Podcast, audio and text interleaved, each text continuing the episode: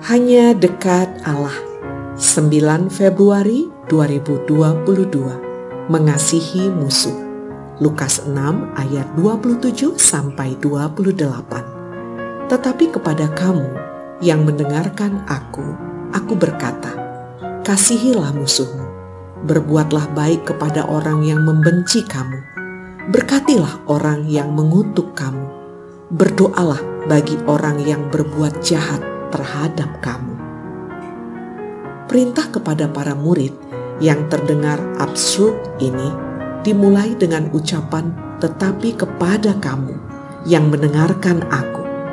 Kata "tetapi" merujuk pada ucapan bahagia dan kutuk pada perikop sebelumnya, ketika mereka diperintahkan untuk mengandalkan Allah dan bukan yang lain. Itu berarti perintah Yesus merupakan langkah praktis dan nyata dari cara hidup mengandalkan Allah.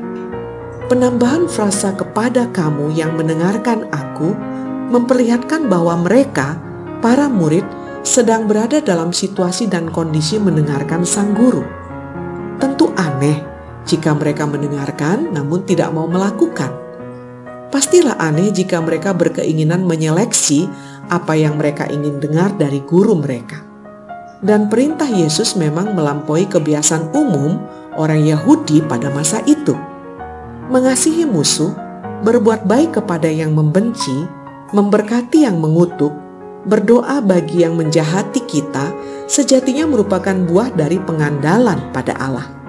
Pengandalan pada diri sendiri membuahkan pembalasan dendam, atau balas dendam biasanya terjadi karena kita merasa tak mungkin ada orang yang akan menghukum orang itu.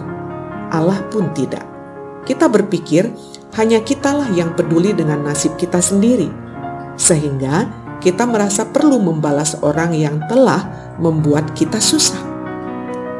Standar Yesus memang beda, dan itulah yang ditekankan sang guru kepada para muridnya, juga kita sekarang ini. Salam semangat dari kami, literatur perkantas nasional. Sahabat Anda bertumbuh